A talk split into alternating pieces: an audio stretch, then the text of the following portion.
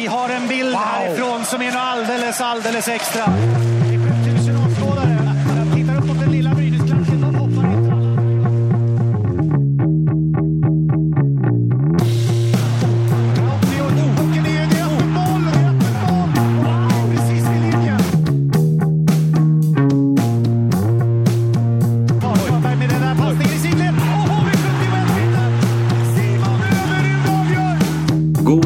Fortsättning på um, 2017 säger vi från situationsrummet och välkomnar er till en ny podcast.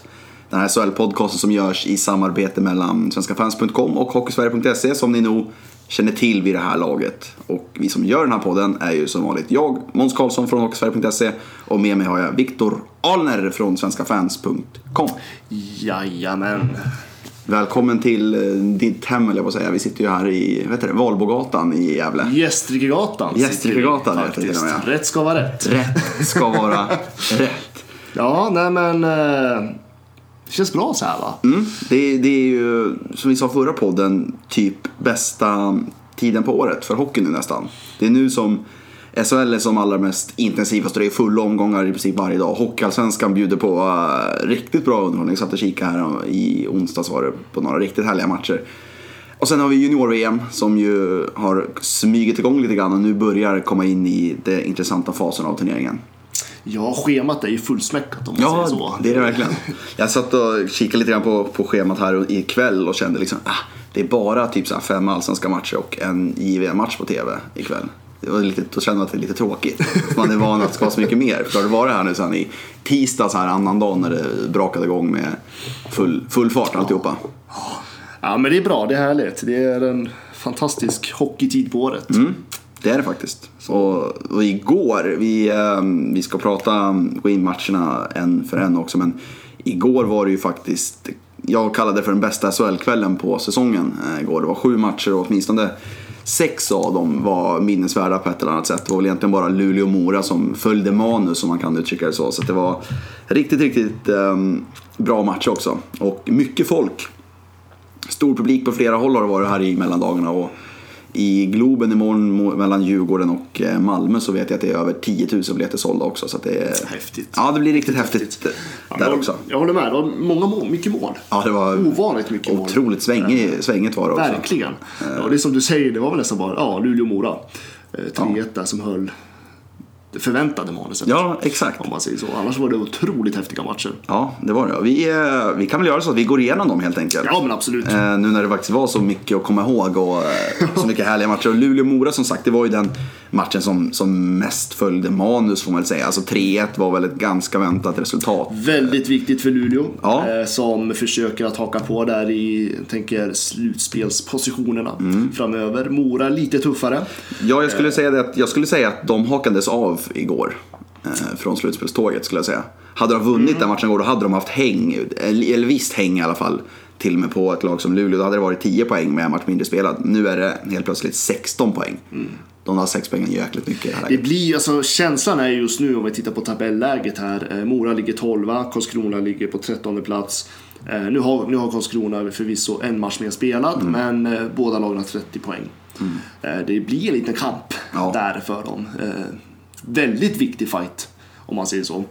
Så att, ja, det blir lite tufft med Mora. Ja, och det är ju lite så här. De har, jag har tyckt att de har varit bra under säsongen, men de tar ju lite för få, för få poäng. Och det har väl mycket att göra med att de kanske har lite för få tydliga spetsspelare ändå. Så de har många bra spelare. De har framförallt flera bra backar tycker jag. Brennan Gormy framförallt, men det är inte de som vinner matcher åt den på det sättet. Liksom. Och kanske framförallt inte i den här typen av matcher mot, mot Luleå, som ju också är ett lag som inte har den här jättespetsen. Då är det kanske mer liksom Eh, att de ändå har ett par spelare som är lite Emil Larsson exempelvis är ju glödhet just nu, gjorde två nya poäng igår och sådär. Så det kanske är skillnaden mellan lagen och sen är det ju lite mer rutin också såklart på Luleå-laget eh, än vad det är på Mora. Så. Men eh, det var lite tråkigt faktiskt, inte för att jag har någonting emot Luleå, men det hade gärna sett eh, lite mer strid om de här slutspelsplatserna. Och Luleå är väl ett av de lagen som hade som förmodligen kommer hamna platserna 7-10 när tabellen väl summeras sen. Så det hade ju varit kul i det hänseendet om Mora hade tagit tre poäng igår. Absolut. Sen, man får ju inte glömma bort att Mora är nykomlingar den här säsongen heller. Nej, för de handlar ju om egentligen om, undviker man kval så är det Ja, det jättebra handlar ju om att etablera sig i den här serien. eh, Och så länge de undviker kvalet så tror jag att det inte är så jag tror inte, alltså utifrån, man har inte så höga förväntningar på Mora. Jag tror inte att de själva har det heller. Så att jag tror att Ska man se alltså mellan Mora och Karlskrona så tror jag att det är lite värre för Karlskrona. Just nu. Ja, det tror jag definitivt. Eh, Utifrån, alltså allt ifrån organisation, förväntningar. Alltså, Det finns lite mer spänning i Karlskrona än vad Mora. Så är det ju. Och vi kan ju gå till den matchen direkt då. Ja. Eh, Karlskrona mot Brynäs som ju var en av de här otroligt svängiga matcherna. Brynäs gick upp, gjorde tre mål på två minuter i andra perioden, gick upp till 4-1 ledning och sen så um, tog Karlskrona över totalt. Kom tillbaka helt rättvist till 4-4, hade mycket väl kunnat vinna den matchen. Eh, Ove Molin sa i intervjun efteråt att han tyckte de var värda tre poäng. Och Visst, man vinner inte, man, tar, man är aldrig värd de, poäng, de poängen liksom, om man inte tar dem. Men om något lag som skulle ha tre poäng så kändes faktiskt som att det var Karlskrona tycker jag. Eh, faktiskt. Alltså de fick ju någonstans, de fick ju Brynäs ur balans där på slutet. Mm. Jag vet inte vad det var som hände i Tommy Sjödins gäng riktigt. Men det var, alltså Karlskrona tog ju tillfällen i akt. Eh, gjorde riktigt grym match ändå om man Mm. tänker åt, återhämta sig på det sättet man gjorde. Eh, så jag vet inte riktigt om jag håller med om Brynäs förtjänar tre poäng. Nej, men det var ju eh, Karlskrona som, eh, det var Ove Molin som sa det. Ja, förlåt, ursäkta. Att de, så var det, precis. de Det var jag som hörde fel där. Ja. Så att, nej men, ja, jag förstår Karlskrona, men samtidigt så tror, tror jag ändå att den, här, den där matchen var lite mer förlust för Brynäs Mm. känslomässigt än vad det var för Karlskrona. Så att, eh, det, var en, det var en spännande match. Fick avgöra små straffar. ja, då var det ju Palushaj som gjorde sin fjärde poäng i matchen och blev eh, matchvinnaren. En, en av få värvningar i Stefan Bengtzéns lagbygge som har eh, varit lyckad får man säga, så här långt. Ja, verkligen får man säga. Vi pratade om det lite innan här podden. Att, eh, han har haft en ganska tuff säsong, Stefan Bengtzén. Ändå. Det har inte gått jättebra för honom, men nu har ju eh, Miller kommit in, gjort ändå helt bra insats. Ja, absolut. Fått, framförallt fått igång både Jensen och Clark lite Precis. grann. Sen är ju frågan hur, hur, mycket, hur länge det där kommer fortsätta. Eh, Men det, någonting har ju hänt sen han kom in i alla fall, i den där kedjan. Mm. Så att, eh, ja, det blir spännande att se. Men angående Karlskrona här, vi har ju, eller framförallt jag har ju sågat dem ganska rejält och tror ju inte att de kommer klara av ett kval mot allsvensk lag. Eh, oavsett vilka det blir egentligen, men om vi tänker att det blir något av kanske Timrå och Leksand, det är väl något lag till som kan, kan ta den här platsen. Eh, så tror jag inte de kommer klara det. Men man ska komma ihåg en grej som man ofta glömmer bort med Karlskrona, är att hemma är de ganska bra. De ligger, jag tror de ligger åtta eller någonting i hemmatabellen. Det är ju deras bortaspel som är uruselt, då tar de ju knappt någon poäng överhuvudtaget. Kollar man i en hemmatabell så ligger de liksom, ja men då kan de gå till slutspel om de bara har tagit hemma poängen. Och det tyder ju ändå på att, jag har ju ändå räknat bort dem ganska många gånger under säsongen. Men så länge man fortsätter ta poäng hemma, då fortsätter man i alla fall ta poäng. Då kommer man ju aldrig in i den här svackan kanske med, med 7-8 förluster. de har väl haft en sån under tidigare under säsongen, men den kanske de inte kommer in nu. Fortsätter man då bara ta sina poäng, ta en poäng här, ta två poäng där. Då är man, kommer man alltid vara med i det. Och då handlar det ju mycket sista tio matcherna om ork och mentalt och sånt där. Om att kunna klättra över, över strecket. Ja, sen tror jag att de, känner, alltså, de har ju otroligt mycket att spela för också. Och det är ju inte mycket poäng som skiljer mot, jag tycker, Mora och Örebro. Nej, precis. Eh, liksom, så att de har ju väldigt mycket att spela för. Samtidigt så har ju Karlskrona ändå en viss trygghet i eh, deras defensiva spel. Eh, de har väldigt bra målvakter. Mm. Ja, förutom igår då. Då var han ju, då var ingen, det var ingen vidare Jo, alltså. men, men- han är ju någonstans deras Ja men, stora hopp. ja men det är ju lite så. De har någonting att luta sig mot. Eh, Jag tror att de kan vinna väldigt mycket på det i längden. Ja, så är det ju. Så är det ju. Och som sagt, de, är ju, de har ju ett tydligt spel. De tvivlar ju aldrig någon gång på det. Även fast de kanske borde göra det med tanke på att det inte ger jättemycket önskat resultat. Men, Men, men de, det är liksom, de, de har en spel, spelsystem, en strategi som eh, ja, de väljer att gå efter. Det, blir, alltså, det ger ju någon form av trygghet ändå. det gör det ju. Eh, Örebro-Frölunda, också en svängig och spännande match igår som avgjordes sent som många andra matcher. Det var många sena liksom, avgörande eller viktiga moment. Det var knappt sju minuter kvar när Simon Hjalmarsson avgjorde. Tog eh, Frölunda till tre otroligt viktiga poäng och framförallt Örebro till en mycket, mycket tung eh, nollpoängare. De hade behövt poäng igår för att verkligen haka på i slutspelsstriden även de. Nu gick nog kanske tåget, om inte annat så eh, matchen imorgon mot Brynäs, då kan ju tåget gå för fullt för, för Örebro om de skulle förlora där. Eh, Joel Mustonen, som ju ratades från eh, Örebro inför säsongen, hamnade i Frölunda. Jag var tveksam till den värvningen, han har gjort supersuccé här, sex mål på 12 matcher och var ju med och avgjorde även igår. Och det här var ju en väldigt definierande match, det känns som båda de här lagens säsong någonstans, tycker jag. Precis, han eh, kvitterade ju där i andra perioden. Ja, precis. Eh, Ja, det är, det är väl precis det sånt här som Frölunda behöver. De måste ju någonstans hitta en bra känsla, tänker jag. Mm. Eh, Det har ju varit lite motigt på många håll för Frölunda ändå. Sen är det, ja, Men jag, tror, jag, tycker ändå att den matchen påvisar någonstans det här att ja, men Örebro gjorde ju ändå två mål där i första perioden. Sen hämtar Frölunda igen sig. Mm. Jag tycker ändå att det visar på att Frölunda, alltså bra men ändå bredd i laget. Att Frölunda ändå tog, ja men man, man växte sig in i matchen successivt eh, och vann sista. Så att, eh, det var starkt. Bra gjort. Ja, och de, eh, de, de, de hakar sig ändå med någonstans Frölunda. De har två poäng upp till tredjeplatsen fast de har varit en besvikelse stora delar av säsongen.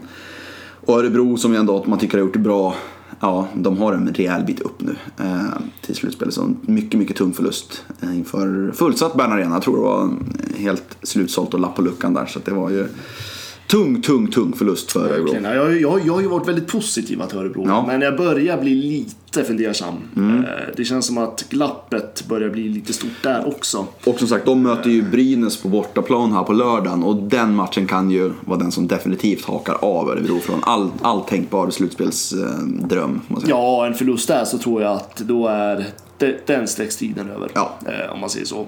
Då får Örebro, ja, undvik kval. Är väl fokus då helt enkelt. Exakt. Eh, För de ligger farligt nära det strecket också. Mm. Med tre poängs marginal.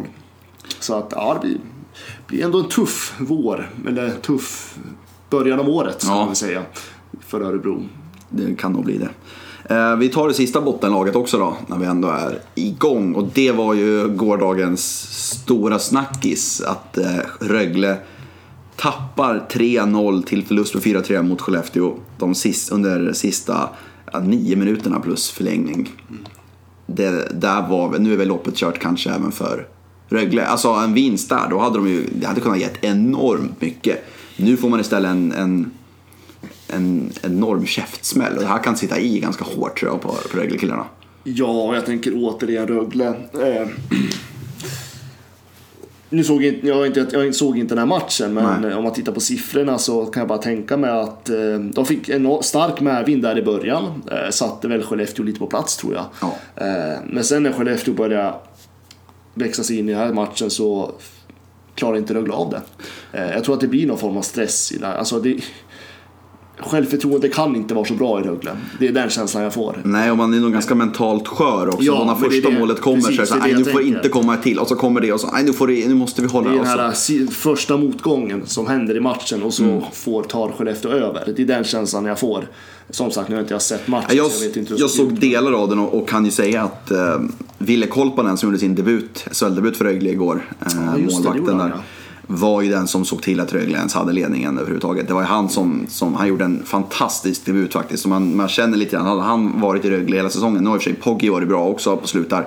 Man känner ändå, hade de haft koll på den från start, när ju problem, alla problem började här med, med stackars Emil Kruse som fick ta, ta smällen då. Eh, hade man haft honom med från start, Kolpanen, så hade Rögle kunnat fått en betydligt bättre inledning på säsongen. För han var riktigt, riktigt bra. Och fick också väldigt mycket beröm av Cam Abbott efter matchen. Att eh, han liksom gav oss verkligen chansen att vinna, men vi tog den inte. Och Korpanen var ju också en, en av de värvningarna som jag verkligen såg fram emot. Mm. Jag, trodde, jag trodde ganska mycket på Rögle eh, inför den här säsongen och då var ju Korpanen inräknad. En bra målvakt som också kan försöka stänga matcherna. Eh, Det är väl det som jag tycker Rögle har saknat väldigt mycket. Just den här tryggheten. Ja, exakt. Så att eh, det är väl klart att det har väl påverkat naturligtvis. Och nu, har, nu är han ju tillbaka så får man ju se. Varit borta länge, gjorde ändå en bra match men eh, ja, det är lite för sent för Rögle. Ja, det är det. Och eh, tränaren Abbott efter matchen sa att jag kommer aldrig liksom hänga ut spelare individuellt i media. Det tycker inte jag man ska göra som tränare. Men man, han sa i princip att vissa spelare måste inse att man vinner, man vinner matcher som ett lag, man vinner inte matcher som individuella spelare. Så han var ju uppenbarligen besviken mot vissa. Han sa att vissa tog vägare, ta korta byten, att de var inne och kanske gör lite längre, skulle köra lite på egen, köra lite för sitt eget race. De ledde med 3-0 där. Att det var spelare som verkligen behövde kolla sig i spegeln och, och sådär efter den här matchen. Så han var upprörd över hur sitt lag agerade. Då kan jag ändå förstå när man ändå är på väg att vinna mot Skellefteå borta.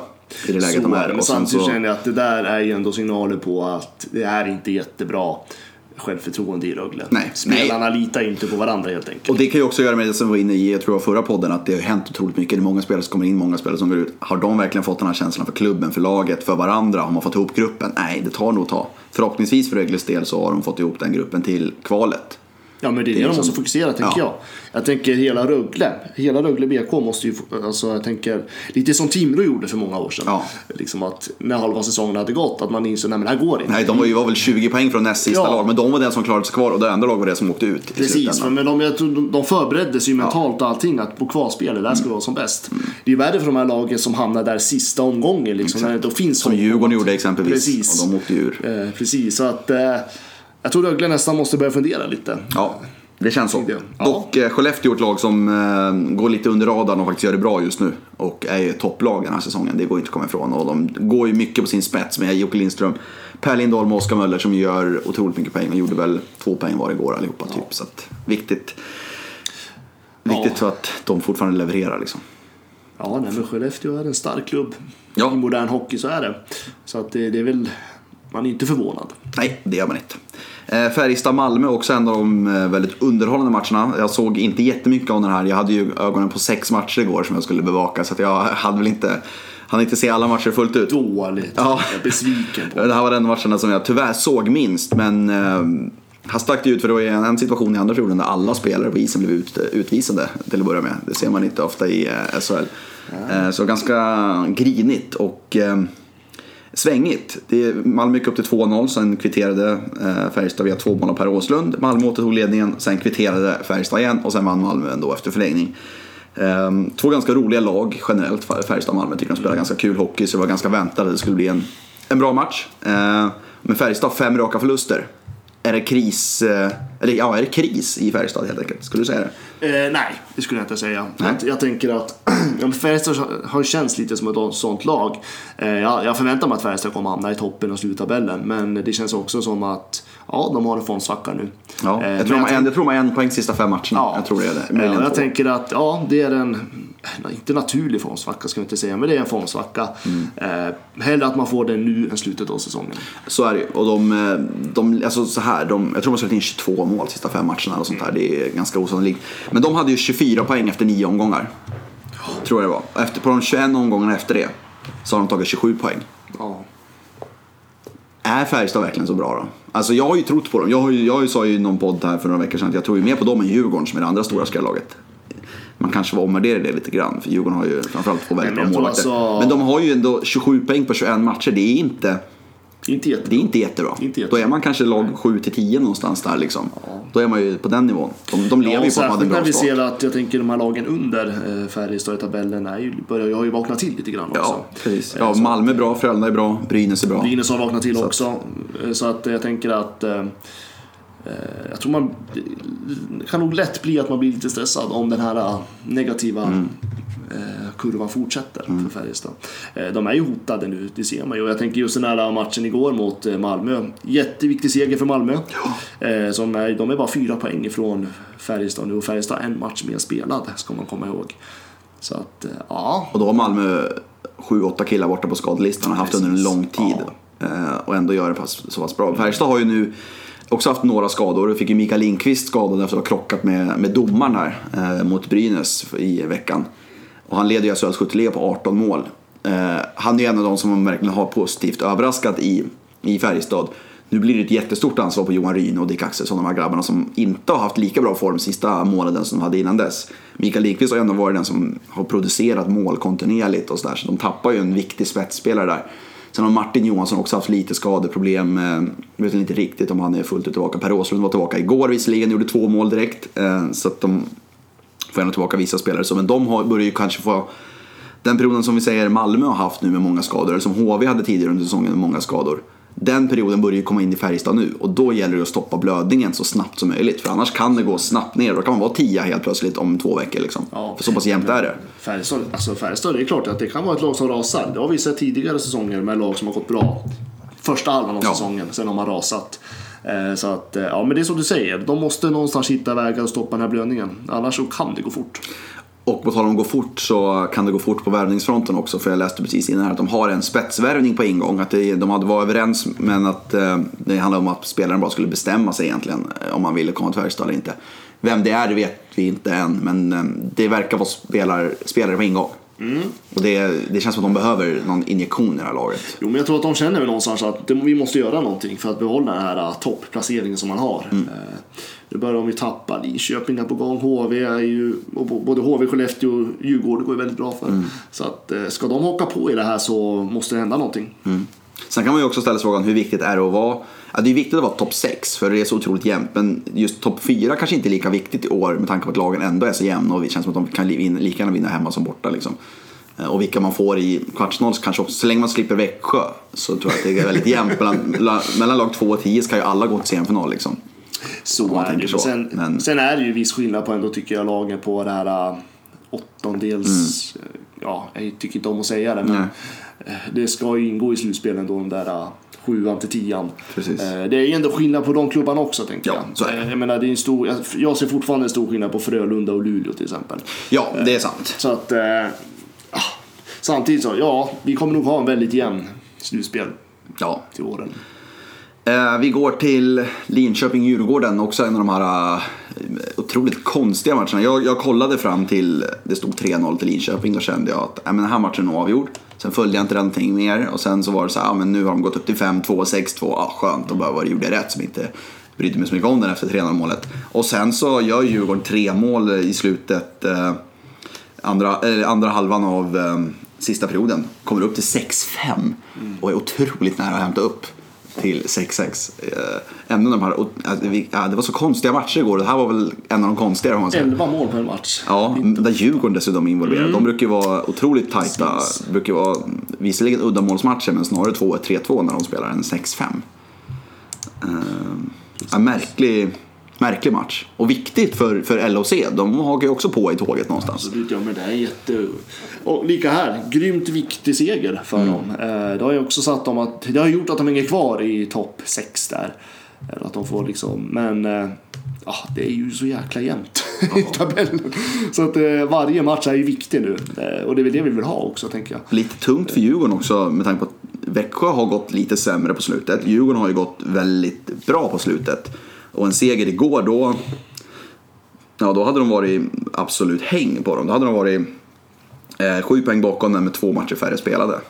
Det är ju liksom. tio poäng som skiljer där mellan ettan och tvåan. Ja. Så att, eh, men då har ju också Växjö två matcher med Precis, så att hade de vunnit igår Djurgården så hade de ju verkligen Ja, då hade det varit häng. häftigt. Ja. Eh, så det var tungt för dem att åka på den här förlusten. Så, men, och... Häftig match, otroligt häftig match. Ja. Och det är ändå två ja, topplag om man ändå får säga så. Ja. Så att, eh, ja. Och mycket publik i eh, Linköping också för orolighetens skull. Det brukar mm. vara ganska svårflörtade men jag tror att det var riktigt bra publiksiffror igår där. Och, men jag såg sagt, första perioden där och det var ju en sån här period där allting gick in egentligen för, för LHC. Eh, visst, Djurgården gjorde ingen jättebra period men LHC, jag tror man hade sex eller sju skott på mål och gjorde tre mål. På Djurgården som normalt sett eh, seriens bästa målvaktspar. Både Adam Reideborn och Jocke Eriksson har ju varit mm. två seriens bästa målvakter, kanske till och med de två bästa. Djurgårdens försvarsspel överlag har ju varit seriens bästa. Så det här var väl ett olycksfall i arbetet får man säga någonstans. Så är det. Jag tänker, ser man till tränar-coach perspektiv så är sådana här matcher totalt inte bra. Nej, det är liksom underkänt att släppa in fem mål eller sex mm. mål på en match. Det är inte bra. Men om man tänker ta Dan Tangnes den situationen då. De ledde ändå med 6-2 när det var 10 minuter mm. kvar. Kan man då inte se det positivt att de gjorde ändå 50 minuter de vann med 6-2? Eller tror jag att känslan man kommer ihåg det är att ah, vi släppte in tre mål de sista tio minuterna? Ja men alltså jag tänker att det handlar ju om att kunna stänga matchen om man leder så mycket. Det är ju, ja det är visserligen sant. Det, det klarar men de vann ju åtminstone. De vann åtminstone, tack, tack och lov för deras skull. Ja. Alltså, men eh, de stängde ju inte matchen, Djurgården kom ikapp. Mm. Eh, det var lite svettigt på slutet. Mm. Eh, så att jag tänker att, jag, hade jag varit tränare skulle jag inte vara nöjd oavsett vilket lag Nej. jag tränar på. Eh, det är så här, är glaset halvtomt eller halvfullt? Ja, Känsla blir det lite grann. Ja men precis. Sen tror jag att Linköping absolut viktiga poäng, skön seger. Mm. Eh, särskilt på hemmaplan där. Men eh, ur ett coachperspektiv så skulle jag inte vara nöjd. Nej. Vi går till eh, den sista matchen. Eh, och det var ju Smålandsderbyt. Och det var ju HV71 Växjö. Den matchen såg jag inte alls ska jag säga. Men det, det jag har hört att det var en fantastiskt underhållande match, att det var enormt drag i Kinnarps arena som det ska vara. Det är väl en av de bästa hockeyarenorna och bästa hockeypubliken i, i Sverige. Det är väl Djurgården och någon, någon till som kan vara där uppe. Mm. Men HV-publiken drar igång riktigt bra. Eh, Växjö gick upp till 2-0. HV vänder och vinner med 3-2. Mattias Tedenby avgjorde sent där. i ännu en fantastiskt svängig och underhållande match då. Eh, HV är bra, Växjö har varit sämre på slutet. Det går inte att komma ifrån. Men det är också samma... Men när man har en sån på tydlig särställning som de har haft den här säsongen så när man, då, när man kommer in i den här absoluta lunken då kanske det dels är svårt att ta fram de här extra procenten som kanske HV gör som har lite mer att spela för. De kanske är lite mer nedtränade för att de vet att äh, det är vår, vi ska vara bra, vi, vi har liksom tillräckligt med poäng. Ehm, de har ju precis tillräckligt med poäng redan nu för att gå, gå till slutspel. Liksom. Även om de skulle torska sista 22 matcherna så kommer de ändå vara topp 10. Um, ehm, men det är ändå en liten nedåtgående trend får man säga. Och nu är Viktor Fast varit skadad de här sista två matcherna också. Men Ja men hur ska man reagera i Växjös läge? Ska man börja justera grejer så här? För de har ändå gått lite tyngre på slutet. Eller Nej, ska man köra alltså- på? De har ju många killar borta på JVM också ska man komma ihåg. Men så är det, ska man komma ihåg. Eller ett par i alla Sen, fall. sen tycker jag att Växjö, de leder serien med 10 poäng från tvåan. Mm. Eh, De har gått som på räls hela hösten. Eh, Jag tänker bara att fortsätta gå till jobbet varje dag, Mm. gör det man ska, håll rutinen eh, och bara liksom köra på som man har gjort. Men vad tror du det beror på då att det har gått lite sämre på slutet? Är det bara, alltså, är det bara naturligt under säsongen? Ja, men jag tänker period? naturligtvis alltså man kan, man kan inte, eller det är klart att man kan, men det är väldigt, väldigt ovanligt att ett lag bara går framåt en hel säsong. Det är väl Skellefteå när de var som bäst ja. och Färjestad när de var som allra bäst som skulle kunna göra det. Ja, Annars precis. ju- Och jag tänker liksom att ha en liten svacka när man ändå... Växjö är ändå med och utmanar varje match. Det är ju inte storförluster de åker på liksom. Det är ju ändå, de är ändå där och jag, tror, jag tänker liksom att i det här läget så de sitter nog hur lugnt i båten som helst. Eh, Jag tror inte alls att... Jag tror Växjö har den självförtroende eh, som finns att eh, det är ingen, det är ingen stormar som blåser där. Nej. Utan jag tänker bara, man, de, de går till jobbet varje dag, gör det de ska, behålla den här rutinen som man har haft under hösten, inte, inte försöka slarva med något. Eh, väldigt viktigt med ledarskap i den frågan. Mm. Eh, så tror jag att eh, Växjö kan vara hur lugna som helst.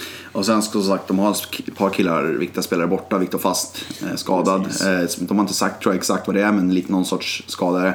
De har en del forwards borta, vilket gjorde att backen Arvid Lundberg faktiskt spelar forward sista två matcherna också. Så det säger väl en del om att allting inte är frid och fröjd i laget så heller. Så. Så är det klart att det, det och, och det där tror jag Växjö förväntar sig ganska mycket. Kanske inte ska, just skadorna, men just det här att man förlorar lite utifrån landslagsspelen. Eh, vi vet att Viktor Fast är ju för OS. Precis. Klubben är- Eh, Växjö förväntar sig det här. Jag tror att de, eh, jag tror någonstans tror jag att det här finns lite grann i deras planering så att säga. Inte skadorna, men allt annat runt omkring. Ja. Man går ju som sagt, som du sa, sällan igenom en säsong helt smärtfritt. Nej men man gör ju inte det. Jag tänker att det här är Växjös också lilla svacka just nu. Som du så. säger, någonstans är det mitt i serielunken. De har ju bara spurtat hela hösten. Eh, Jag tänker att det är Och de har byggt upp, byggt upp sig en fin buffert här. Ja Och, men de har gjort det. Alltså, jag- Och så tror jag att de har råd med det. ja, absolut. HV uppe som fyra. Eh, gör det bra också. Och HV har ju haft stora skadebekymmer i hösten Mm. och ändå fortsatt tagit poäng, poäng och liksom har varit med hela tiden. Eh, Så att jag tror att HV blir riktigt farliga. Det tror jag med. Jag, tror, ju- jag har ju sagt egentligen hela tiden att jag tror att det är HV och Frölunda som i slutändan kommer kunna hota Växjö om guldet och det står jag faktiskt fast vid. Ja, spännande. Mm. På tal om Frölunda, eh, så vi ska gå igenom lite två, eller en kort eh, en liten nyhetsnotis här. Det var ju tråkigt besked faktiskt som nådde Frölunda här med nya backen eh, Michael Webber som efter bara 10 matcher i laget eh, tvingas sluta på grund av knäskada. Precis. 30 år gammal bara. Mm, riktigt tråkigt. Eh, Det är ju inte alls roligt när de får sluta med skador. Nej. Eh, Samtidigt en eh, förlust för Frölunda skulle jag väl säga ändå. Eh, Han är ju en eh, gedigen defensiv pjäs såklart som jag tror att Frölunda hade velat sett lite mer av.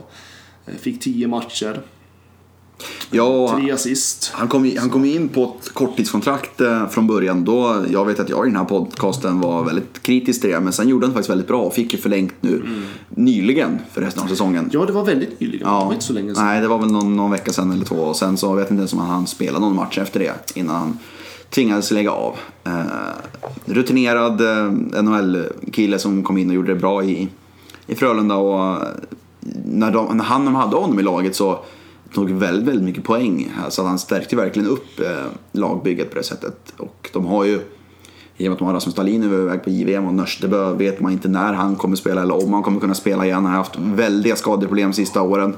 Precis. Bland, bland annat med, med hjärnskakningar och sådär. Så att, eh, Ja, tung, kan bli riktigt tungt för honom. Nu måste de förmodligen ge sig ut på, på värvningsmarknaden igen här, känns det som.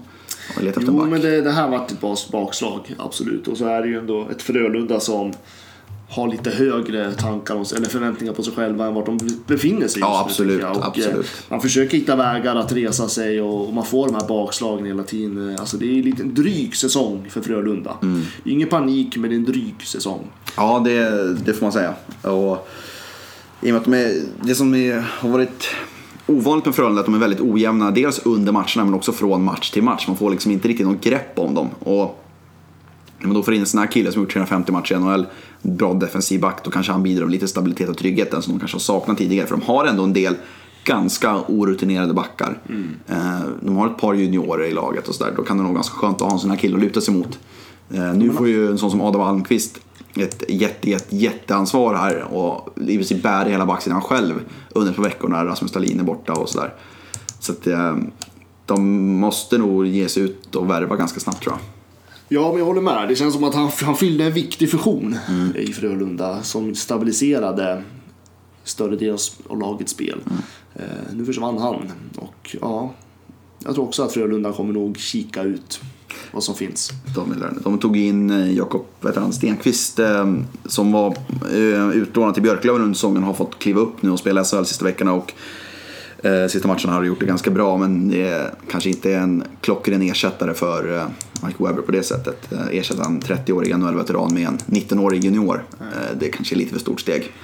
Så de får nog göra någonting där. Eh, Och nu under förmiddagen här, vi sitter här på fredag förmiddagen, så kom det ju en annan nyhet från Schweiz. Just det. Eh, som ju, Wallson. Ja, som i allra högsta grad rör SHL får man väl ändå säga. Ja, När men det gör det. Hans Wallson ju fick sparken som tränare för Zürich efter ett och ett halvt eh, år där nere. Ehm, och nu är det väl många sportchefer som kastar sig på telefonen direkt va? För att leta tränare nästa säsong. I alla fall de som eh, så att säga eventuellt söker en ny tränare så är det nog många som vill ha just Hans Wallson om man säger så. Ehm, och vi tänkte väl spekulera lite grann. Vilka klubbar skulle kunna Ja, tänkas jag har vara två intresserade? klubbar som jag tror är. Eh, fast, eh, eller en klubb jag hoppas är, men jag har förstått att de... Eh, Linköping först. Eh, Don Tangnes som Ja. ju vi har varit lite Vi skeptiska har till. varit skeptiska till Men sen samtidigt går rätt okej för Linköping ändå. Ja. Eh, Men det känns som att de skulle behöva en ny tränare för att ta nästa steg. Som vi har Exakt. inne på. Han har väl kontrakt en säsong till efter den här. Ja, jag har fattat det så. Yes. mig. Men jag tycker ändå att Hans Wallson bör vara intressant namn för Linköping Mm. ändå. Om man tänker att ja, men nu måste vi ta nästa steg. Vi måste skapa, alltså vi måste bygga vidare på det Och det här. har ju varit Linköpings problem i alla år. De, Ja, de var ju två raka finaler där eh, kring andra halvan av 00-talet. Men sen efter det så, ja, de hade Roger Melin, ja, det gick bra, de gick till semifinal alla år, men de åkte ut i semifinal alla år. De kommer topp fyra i serien varje år, nu har de åkt ut i kvartsfinal två år i rad. När, när ska de ta steget liksom? Och det, och de, de blir ju nästan lite hånade för det här Ja. eh, på sociala medier. Exakt, man, man tar dem inte på allvar, för man vet att de kommer misslyckas ändå. De är med men de tar sig aldrig fram på något Precis. sätt. Eh, Så att jag tänker att jag skulle vilja se Linköping våga satsa lite grann. Håller helt Det hade varit riktigt häftigt att se. Eh, Och min andra är, som jag kanske nästan är mest desperat, det är ju Brynäs Mm. just nu. Eh, De har ju en rätt eh, svag ledarsida om man tänker bredden på det sättet. Ja. Roger Melin fick gå efter åtta omgångar. Tommy Sjödin, assisterande tränare, fick hoppa in och då tog man in Janne Larsson som tidigare var, nu försvann ordet här. Eh, Videocoach. Videocoach, tack. För, eh, som assisterande.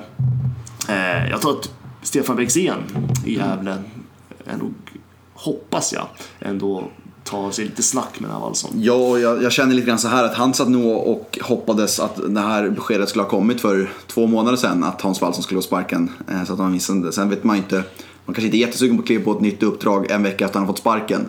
Det är, så det är inte säkert att det blir någonting ändå. Men jag tror att han satt nog och hoppades innan han tog beslutet att låta Sjödin köra säsongen ut. Att, ja, men, för det har ju varit spekulationer kring Wallson hela säsongen. Han satt nog och bara väntade på att när kommer pressmeddelandet från Zürich så att vi kan hugga på Hans Wallson.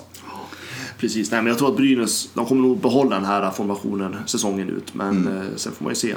Men eh, det är väl ändå den klubb som jag känner mest är av störst behov av en riktig första tränare. Jag håller med, både kring LOC och Brynäs håller jag med. Och sen måste jag ändå lansera Skellefteå. Eh, att- Spännande. Ja, dels visst man kanske inte alltid ska plocka tillbaka bara för att det har funkat förr.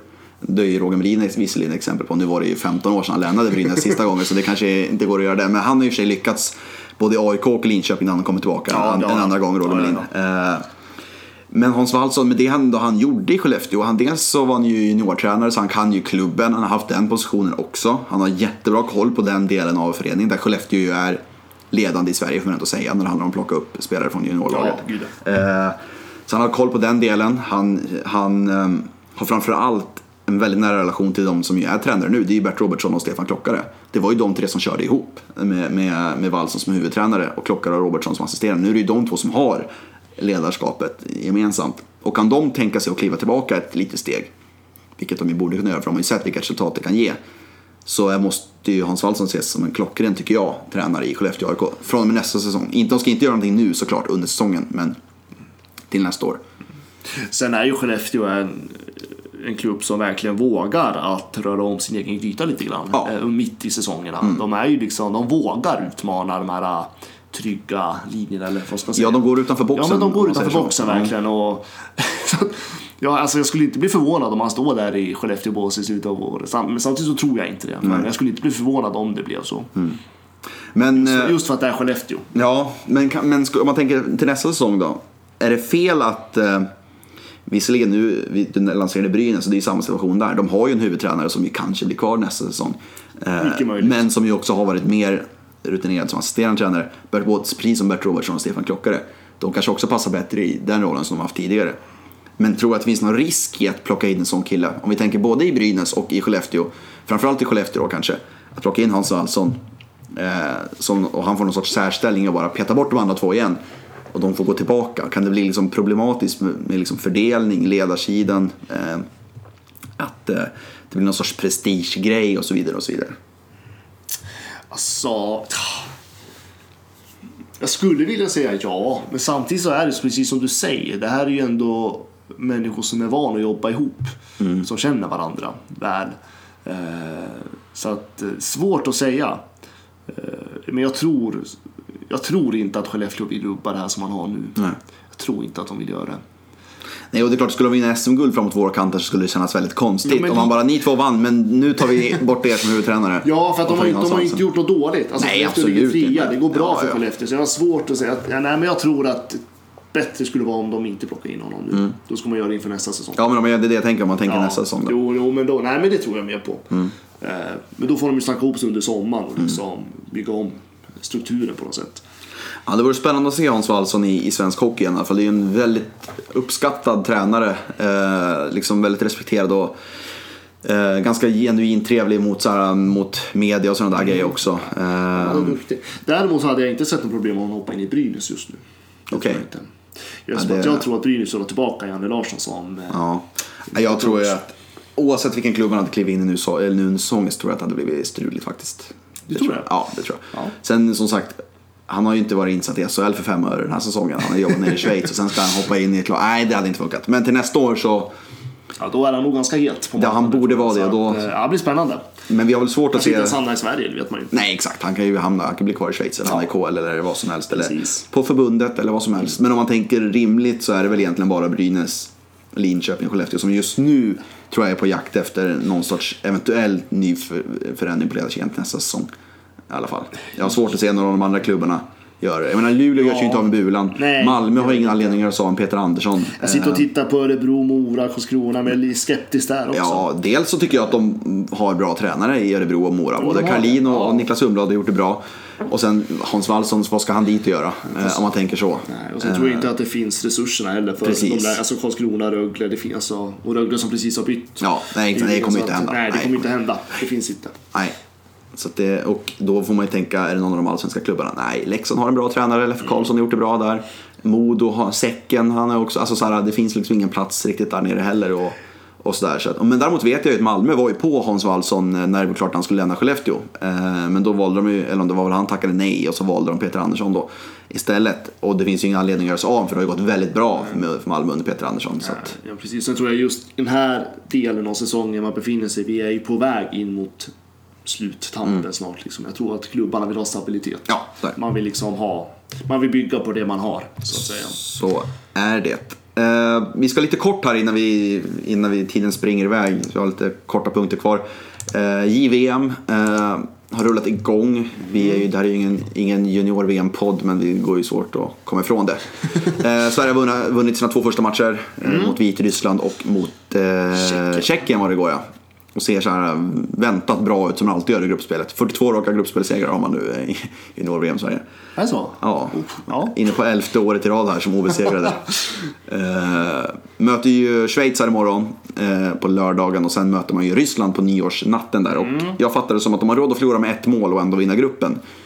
Eh, Sverige. Dock förlorade ju USA nu mot Slovakien i natt vilket gör att det kanske inte är så himla bra att vinna gruppen. För då kanske man får USA eller till och med Finland i en kvartsfinal. Så att det finns, ja, vi får se hur det blir där på nyårsnatten. Om det är något lag som vill vinna. överhuvudtaget. Eller om man hellre tar en liten förlust och får Slovakien i en kvartsfinal. Ja, nej, jag känner att vinn varje match. Ja. Ska man vinna allt så ska man slå allt också. Ja, så är det. Så att eh, då är det väl, ja, det spelar nog ingen roll. Eh, Även om det vore kul att se en final ändå. Ja, precis. Eh, Men eh, Rasmus Dahlin har ju gått in och gjort fyra poäng. Jag tror Elias Pettersson har väl gjort två plus ett här första två matcherna. Elias Andersson gjorde två mål första matchen. Jesper Bokis gjorde mål i första matchen. Erik Brännström har gjort mycket poäng också första två matcherna. De har stora stjärnor har redan levererat för juniorkronorna så det ser väl spännande ut. Ja, jag tänker, nu missade jag första matchen dock, Mm. men jag såg igår så tycker jag ändå liksom, alltså det är så, det är ju början av turneringen, det kan bara bli bättre och bättre. Just att ha den känslan. det ska man komma ihåg att Ja. det blir ofta det. Det blir ofta det och just när man har den känslan och ser på det här laget nu så är jag väldigt positiv. Det, det enda nackdelen är väl att man har, man har sett det här i tio år tidigare då lett till ett guld eh, fast man har sett så här läskigt Ja, men säger vi tio år till så ska Ja, ett, någon, gång, någon, gång, någon gång måste det ju gå hela vägen igen. Så det, det är en tuff turnering. Det är, liksom, det är tufft. jäkla häftig, häftig turnering. Mm. Så att, eh, ja. Men visst, visst ska Sverige kunna vara med och utmana. Ja, inget snack om saken. De är inte sämre än, än något lag. Det är ju i princip fem, sex lag som kan vinna och Sverige är absolut ett av Ja, dem. Ska inte vara rädda för något av de andra Och lagen. det är bara bra, tänker jag. Det är bra för sporten att det är Absolut. så. Så att, eh, det är bara positivt. Eh, match ikväll, Kanada-USA utomhusmatch. Eh, jag tror den sänds Mm. på SVT. Det blir ju häftigt. 45 000 biljetter var sålda igår och det är väl minus 15 grader i Buffalo. Så att det är hockey som, som det ska Ja, vara. men det är bara varm saft och Ja. yllestrumpor på, det på sig. Exakt, bandy, bandyportföljen får följa med Ja, för eh, precis. publiken där också. Ja, det vet man ju när jag spelar på en uterink. Ja, exakt. Eh, det är ju full omgång tror jag imorgon också va? Eh, I SHL. Ska det vara va? Om jag inte Eh. tänker helt fel. Mm. Jo, det är det. Det är, så vi går igenom matcherna lite kort. Eh, Börjar Skellefteå-Luleå, häftigt derby. Men här måste väl Skellefteå ändå vara favorit. Åh, vilken häftig nyårsmatch. Mm. jag får säga så. Skellefteå-Luleå. På väg att bli, jag fattar det som att det bara var lite ståplatsbiljetter kvar så det verkar bli fullsatt Bra, i eh, Skellefteå härligt. också. Mm. Norrland re- levererar. Ja, för Skellefteå och Luleå har faktiskt haft lite svårt med publiken under säsongen här. Så att, eh, Men det är ju inte det. Alltså egentligen, alltså, vad jag har förstått det så är det, alltså, det är ju inte den naturliga rivaliteten. Nej, Skellefteå- har liksom nej. vuxit fram. Skellefteå är ju Björklöven ja. egentligen. Ja, men det är ju så egentligen. Eh, Så att det, har ju, det, här, det här har ju liksom fått tvingats fram. faktiskt. Mm. Eh, Men det är klart att det finns rivalitet där. Men så är det ju. det kan bli en häftig match tror jag. Det tror jag definitivt. Eh, Jag tror inte Luleå bli- viker ner sig med bulan Nej, jag tänker, jag tänker, jag tror att det kan bli riktigt häftigt att se hur Luleå kommer kunna hantera Mm. ett ja, starkt Skellefteå helt enkelt. Frölunda-Mora. Eh, Tufft för Mora. Ja. Ja, här får väl Frölunda vara stor favorit man säga. men jag, men jag tänker att det här är en chans för Frölunda att få studsa uppåt lite. Får Mm. Det- man inte poängen och vara med i topp 6-kampen där. Det som är lite oroande för Frölundas del är att det är några matcherna när man känner att "Ja, nu är de på gång. Äh, då har de gått tillbaka lite grann och så gör de en dålig prestation. Eh, Men eh, det är klart att de ska vara favoriter här. Jo, men de vill ju verkligen, alltså, jag tror man vill lite för mycket ibland mot de här lagen. Och eh, Mora är ju lite underdogs i den här Ja. kampen så att de är nog mer lugna än vad Frölunda är. Det tror jag med. Rögle-HV, kul match för Rögles sportchef Chris Abbott som ju vann Mm. SM-guld som lagkapten för HV för ett halvår sedan, eller om det är åtta månader sedan. Men det går snabbt, det går för- fort i hockey. Ja, ja, ja, men det är desto tuffare för Rögle. Eh, Jag tror Rögle gärna hade sett ett annat möte Ja. inför ja, nyåret, så att säga. Eh, Men man vet aldrig. Det är hemmaplanen då för Rögle. Ja, eh, det är det. Och Även också såklart speciellt för Ted Brithén som ju också var med och vann SM-guld med HV71. Ja, och nu i. Rögle. Men de har ju mötts ett par gånger under säsongen redan så det där Ja. kanske börjar försvinna lite grann. Exklusiviteten så att säga. Absolut. Sen går vi till kvällsmatcherna. Djurgården-Malmö då i Globen. Eh, Häftig match. Häftig match. Och Riktigt sagt, och att häftigt. Malmö ju är lite på gång, trots att de har en del skador. Andy Milo och Retrak Shani framförallt har ju varit glödhet på slutet. Eh, och vinner de imorgon också Malmö, då har ju de rejäl tätkänning. Så då har de ju häng på, på Djurgården på andra platsen till och med. Stor publik i Globen. Ja. Också. Över 10 000 biljetter Ja, sålda. häftigt. Det är, men det är ju typiskt en sån här match SHL behöver. Mm. Storpubliken. Eh, nej men det blir en riktigt spännande match. Eh, viktigt för Djurgården naturligtvis om man vill haka på Växjö. Otroligt viktigt för Malmö om man vill haka på övriga Ja, topplag. men, ja, men så grejen, vinner de, då är det ju en kamp. Man har ju känt att Djurgården har gjort lite ryck från de andra lagen. Mm. Men skulle Malmö vinna där, då är det ju helt plötsligt tätt mellan lag typ 2 och 8 i tabellen. Ja. Liksom. Ja men det är ju så. Och det är det är det som blir så kul också nu på slutet när det Mm. är de jämna matcherna. Så att varje kamp, alltså man skulle kunna säga att varje match är viktig just nu. Ja. Fast vi är i mitten av eh, eh, serielunken. Precis. Sen är det Brynäs Örebro, den har varit inne på lite tidigare, att det är sista chansen för Örebro att ha något sorts slutspelshopp uppe. Ja. I alla fall. Det är det faktiskt. Mm. Det kan jag nästan hålla med. Vinner Brynäs den eh, så är glappet för stort. Ja, då blir det istället fokus på en jäkla häftig bottenstrid. Eh, Ja, det- eh, så blir det. Då blir det fyra, eh, om man räknar bort Rögle, så i alla fall tre lag som gör upp om, om två platser i ingenmansland. Det kan bli fruktansvärt häftigt faktiskt. Precis. Samtidigt som Brynäs skulle behöva också försöka haka på de andra lagen. Nu när man Mm. De har, har kommit ikapp. De har ju varit sättet. fruktansvärt bra på slutet Brynäs, men de ligger kvar, på tiondeplatsen. Alltså det är svårt Ja, att klättra. det- Placeringsmässigt så händer det inte så mycket för dem. Nej, och det har väl att göra med att just att de andra lagen vinner ju sina matcher också lite Ja. grann. Eh, och att, eh, alltså, Brynäs skulle behöva kanske tre, fyra raka vinster till Mm. för att verkligen vara med, känns det som. Nu blir det lite som att man eh, ligger där på slutklämmen där och försöker liksom ändå haka sig med Ja, de andra precis. lagen. Jag tror att de skulle behöva ta ett steg till. Eh, Och det har de chansen att göra nu då mot Mm. Örebro. Och liksom ändå haka på övriga lag. Linköping mot Karlskrona. Mm. Eh, Där är väl Linköping favoriter va? ja, stor favorit skulle jag säga. Fegt att säga men... Ja. Nej, men det är klart. Alltså Karlskrona tar ju knappt poäng borta. Nej, och, Och, jag tänkte precis säga Linköping har hemmamatch där. ja, och de, har en, de går ändå helt okej i LHC och har flera. Nick Sörensen gjorde två mål igår exempelvis och har varit ganska bra när han väl har spelat under säsongen och sådär. Så de, eh, de har ju bättre spets, de har ju bättre bredd och de har hemmapublik och sådär. Så att eh, det är väl, om man säger inom citationstecken, tre enkla poäng för Linköping, om man nu kan ha tre enkla poäng i eh, SHL. Ja men så är det. Eh, Karlskrona kommer förlita sig mycket på sitt defensiva spel tror jag. Mm. Snabba kontringar. Intressant målvaktsval där om det blir Johannes Jönsson som var riktigt svag mot Brynäs eller om det är Henrik Lundberg som gjorde ett jättebra inhopp och ju höll nollan fram till straffläggningen som får chansen från start för Karlskrona i den matchen. Ja, det blir... Det visar sig. Mm. Sen sista matchen om Växjö-Färjestad som ju för några veckor sedan hade varit ett enormt häftigt toppmöte men nu är det två lag som har lite halvtaskig form och så här, ja, det känns mer som en match i mängden helt plötsligt. Samtidigt så tror jag att det blir ändå viktigt mentalt för båda lagen tycker jag. Mm. Eh, Det har gått lite trögt för båda. Eh, Båda lagen är, sett i tabellen och hur det har sett ut i under hösten, två topplagen då. Mm. Eh, En seger där och man får lite medvind äntligen. Så kanske studsa tillbaka till jag menar, rätt mentala form igen. Mm. Eh, Så att det kan bli ändå en viktig match på det mentala planet. Färjestad har fem raka förluster. Sen möter de Växjö borta. Sen har man Frölunda hemma. Eh, sen har man Rögle i och för sig hemma. Sen möter de eh, HV borta och Djurgården hemma i matchen efter det. Ja, det är Alltså de har, de har, med tanke på den formen de har med fem raka förluster. Ruggigt, ruggigt intressant situation Färjestad nu med tanke på de kommande fem sex matcherna här. Alltså det kan Det blir värdemätare. det, kan, det blir, värdemätare. verkligen värdemätare. De Det- måste studsa tillbaka så snabbt som möjligt nu. Och då tänker jag att just den här matchen, nu är det förvisso hemmaplan på för Växjö, Mm. men eh, det är väl kanske ett bra tillfälle för Färjestad att kunna studsa tillbaka. Ja, man kan ju vända och vrida på det här hur som helst. Eh, man kan ju tänka det är perfekt tillfälle för nu får man äntligen vara underdog. Eller ska man tänka, åh herregud, Växjö borta i det här läget kanske man inte vill ha. Liksom, så att man kan ju man kan ju vända och vrida på det här hur som helst Ja, egentligen. nej, men ja, Färjestad har en tuff resa framför sig. Mm. verkligen. konstatera. Innan vi avrundar så ska vi ju, det här är ju 2017 års sista podcast. Eh, faktiskt. Ja, det är det ja. Ja, vi drog igång i augusti någon gång och sen har vi kört på.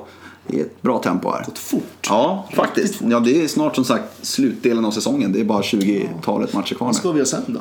Ja, exakt. exakt. Eh, så vi tänkte väl summera egentligen hockeyåret 2017. Eh, förutsatt att det inte händer något extraordinärt i omgången eh, imorgon. Men då, det får du eller- inte göra. Eller nu, nu har vi liksom. Ja. tagit fram årets bästa tillfällen. Det har Här. varit ett riktigt häftigt hockeyår. Vad, vad kommer du minnas från 2017? Eh, nej men vi pratade lite grann om slutspelet inför den här eh, podden. Eh, skithäftigt slutspel. Eh, det är det men- bästa slutspel jag kan minnas måste jag säga. Ja, samma här. Eh, Det har varit jämna matcher eh, och särskilt framförallt tänker jag på SM-finalen. eh, Som gick till sjunde avgörande i förlängning dessutom. Alltså man kan inte förvänta sig mer ångest i ett SM-slutspel. I en final på det, på det sättet. Där också jag tänker Två unga målvaktstalanger fick utmana varandra. Ja, Linus Söderström, eh, Felix Sandström. Jättehäftigt Eh, faktiskt. Riktigt, men just att två, det var häftigt. Mm. Det var en final som hade allt. Och så var det två hemmakillar, moderklubb HV71 Precis. som gick in och fick avgöra också. Ja. Det händer ju inte ofta i match sju på hemmaplan i en förlängning. Nej. Och så är det två hemmakillar som gör det. Nej, men det var riktigt ruggigt häftigt slutspel. Mm. Eh, rakt igenom. Eh, man... Ja, det var jobbigt för alla fans tror jag. Ja, redan i kvartsfinalen, eller redan i åttondelen var det ju när det var Färjestad mot Djurgården där satte ju någonstans tonen. En enormt häftig klassikermöte redan i åttondelen. Man är ju van att det ska vara en SM-final. Eh, tre fantastiska matcher eh, där Färjestad till slut vann. Eh, Djurgården hade ju haft en katastrofal säsong egentligen. Det är svårt att tänka sig nu, men de var ju riktigt usla stora delar av förra säsongen faktiskt. Sen var de nära att gå till kvarten och sen så fortsätter det ju med Skellefteå-Frölunda som ju Skellefteå ledde med 3-1 i matcher. Eh, Frölunda vann match 7 efter förlängning. Eh, Viktor Olofsson avgjorde med brorsan Jesper i motståndarlaget såklart, speciellt också. Vi fick se semifinalserien Brynäs-Frölunda också, gick till match 7. En match 7 som var kanske en av slutspelets häftigaste matcher. Och det var ju ett Frölunda som eh, var otroligt starka. Ja, de var ju, det var ju Felix Sandström som, som tog Brynäs till final tillsammans med Oskar Lindblom. Det var ju också två hemmakillar som, Precis. som tog Brynäs till final där. Eh, ruggigt häftig match och sen som sagt finalserien var ju fantastisk på många sätt. Eh, Brynäs hade möjlighet att avgöra hemma. HV går upp till 3-0 i första perioden. Eh, sen är Brynäs ändå nära att komma ikapp när det tar det till förlängning och sen blev det ju förlängning i match 7. Ja.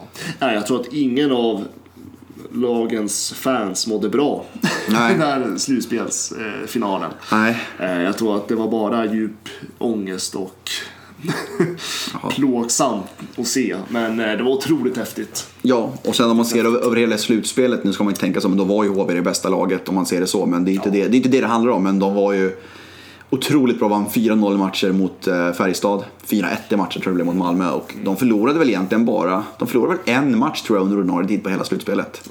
Tror jag det var. Eh, och det var väl match 5 där när Brynäs vann i Kinnarps med 2-0. Jag tror var, annars var det bara förlängningsförluster de åkte på. Eh, så att, Ja, nej, men det var häftigt. Otroligt. Det är en sån här slutspel som man kommer minnas. Inte, det är inte så många sådana man Nej, har, men känner jag. Liksom. nu när man tänker att det ändå är tio så pass bra lag som det finns i SHL i år så känns det som att det här kan bli lika bra. Lika Och jag ovisst. hoppas det. Jag hopp, alltså man hoppas ju naturligtvis att så här kommer det bli lite framöver också. I Att det, synnerhet- blir, det blir inte samma lag som man dominerar utan nu är det kamp. Jag skulle precis komma in på det, för i synnerhet nu när Djurgården och i viss mån också Färjestad ändå är lite mer att räkna med än vad de varit de senaste fem åren. Precis. Eh, tio åren nästan i Djurgårdens fall, i alla fall sen SM-finalen 2010. Det höjer ju intresset och statusen ytterligare när de lagen är är bra. det, ja gud ja, så är det. De klassiska lagen måste fram. Ja, Eh, Sen har vi väl, eh, vi nämnde också VM-guldet. Lite snabbt. Mm. exakt. Ändå. Det måste ju Det komma var ändå en höjdpunkt. Ändå. Ja. Eh, Sen får man tycka vad man vill om VM. Nej men det blev ju ändå häftigt i och med att Lundqvist kom hem, eh, Bäckström var med, William Nylander fick sitt stora genombrott för den breda publiken. Jag menar Viktor Hedman var med, John Klingberg var med, Ekman Larsson var med. Så de hade ju ett otroligt bra lag Sverige och att de fick ihop det till slut och vann. Jag tycker ändå det är häftigt. Och man, ser, man såg ändå när de väl drar på sig, man kan tycka vad man vill om NHL-stjärnorna som tackar nej till Tre Kronor, men när de väl drar på sig den här adressen så ser man ändå hur mycket det betyder för dem att spela för Tre Kronor. Eh, Att det finns ett enormt värde att vinna det där VM-guldet ändå. Så är det. Och sen just att egentligen vad det betyder att vinna det här guldet. Eh, Det är ju många som tycker att VM är en liten fjollturnering. Ja. Ja. men det, är sådär, det är inte de bästa. Nej, så är det. Men när vi väl vinner, då är vi glada. Ja, jag menar så man kan tycka vad man vill om det, men som sagt Sverige har 10 VM-guld och har spelat typ 80 VM-turneringar. Alltså det är ändå ganska exklusivt att vinna vinna det där guldet. Men det är svårt att vinna. Det är det. det är svårt. att- Även om vi är ett ranka toppnation i Ja, hockey ja. så är det svårt att vinna. Eh, De, alla topplagen i hockey är otroligt bra. Så att, eh, nej men det var stort. Mm. Ja, det var det det. var häftigt och det var behövligt. En klassisk straffdrama mot Kanada också. Mm. Det går ju aldrig att komma ifrån att de är ju, de, de, man kommer ju ihåg dem. De grundade sig ju såklart i OS-finalen 94 och sen har det ju fortsatt med VM-kvarten 2013 bland annat där när Fredrik Pettersson gjorde sitt slagskott i krysset, mål på straffen och sen fortsatte nu så att, häftigt. Och det finns väl inget bättre än att slå Kanada. Nej, det är ju faktiskt Det det. är, lite, det är så. Det är, En sista grej som jag definitivt kommer minnas det är ju att vi har ju fått se många nya stjärnor tändas under senaste året. Mm. Alltså man ska ju man, man ska inte underskatta det här med att ja, men man kommer nog minnas det här Elias Petterssons säsong som han gör just nu. Förmodligen blivande storstjärna i NHL och såklart Rasmus Dahlin som förmodligen kommer gå etta. Man ska inte man ska, man ska passa på och njuta. Vi har de här stjärn, unga stjärnorna i Sverige under väldigt kort tid nu för tiden man måste passa på och njuta och gå och titta på dem live och tänka så här. Men jag minns, jag såg honom när han var 17 år och spelade med Galler i Frölunda och dominerade liksom om Rasmus Dahlin. Det är en sån här grej som man inte ska underskatta. Det kommer man komma ihåg om ett par decennier förhoppningsvis om han har en riktigt bra karriär. Och vi har ju sett många liksom, stjärnor. Förra säsongen såg vi Oskar Lindblom som ju visserligen hade gjort ett par säsonger i SHL tidigare men klev in och var ju nästan på Jakob Silfverberg-nivå liksom, när han var som bäst i slutspelet där. Eh, och Linus Söderströms genombrott som började som andra målvakt kom, slutade som eh, SHLs bästa målvakt och tog guldet till HV och sådär. Så det finns många sådana häftiga grejer som jag också kommer minnas. Mm, absolut. Eh, och det är riktigt kul för svensk hockey. Ja, vi är fantastiska på är- alltså, att ta fram talanger. Det är otroligt vad bra. Ja. Eh, En sista fråga innan vi slutar. Vad ser du mest fram emot 2018? Mm, normalt hade man ju svarat OS. Men det blir det ju inte riktigt nu. Nej. Men jag ser fram, alltså jag ser fram emot ett slutspel som ju, man sa, förra slutspelet var det mest ovissa någonsin. Eh, visst, Växjö blir ju guldfavorit.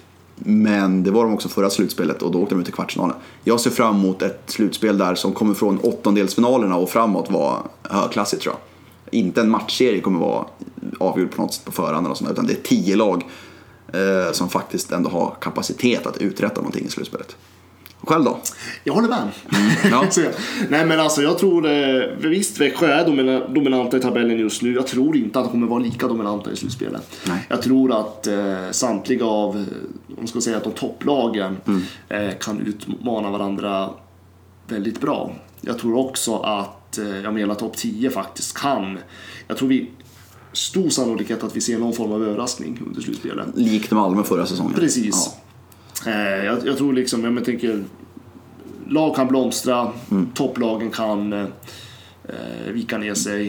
Eh, jag tror det blir en väldigt spännande slutspel. Det enda vi vet med säkerhet är att Linköping, de kommer inte vinna SM-guld. det, Nu har du sagt det.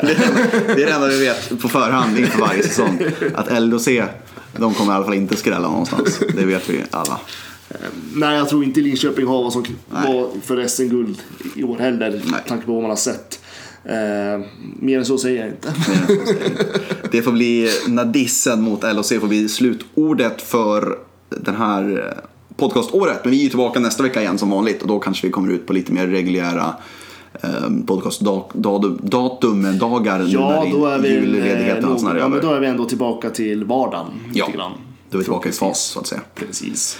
Men eh, tills vidare då, en god fortsättning till alla lyssnare och ha ett eh, lagom kul nyår. Vi har en bild härifrån som är alldeles, alldeles extra. Det är 7000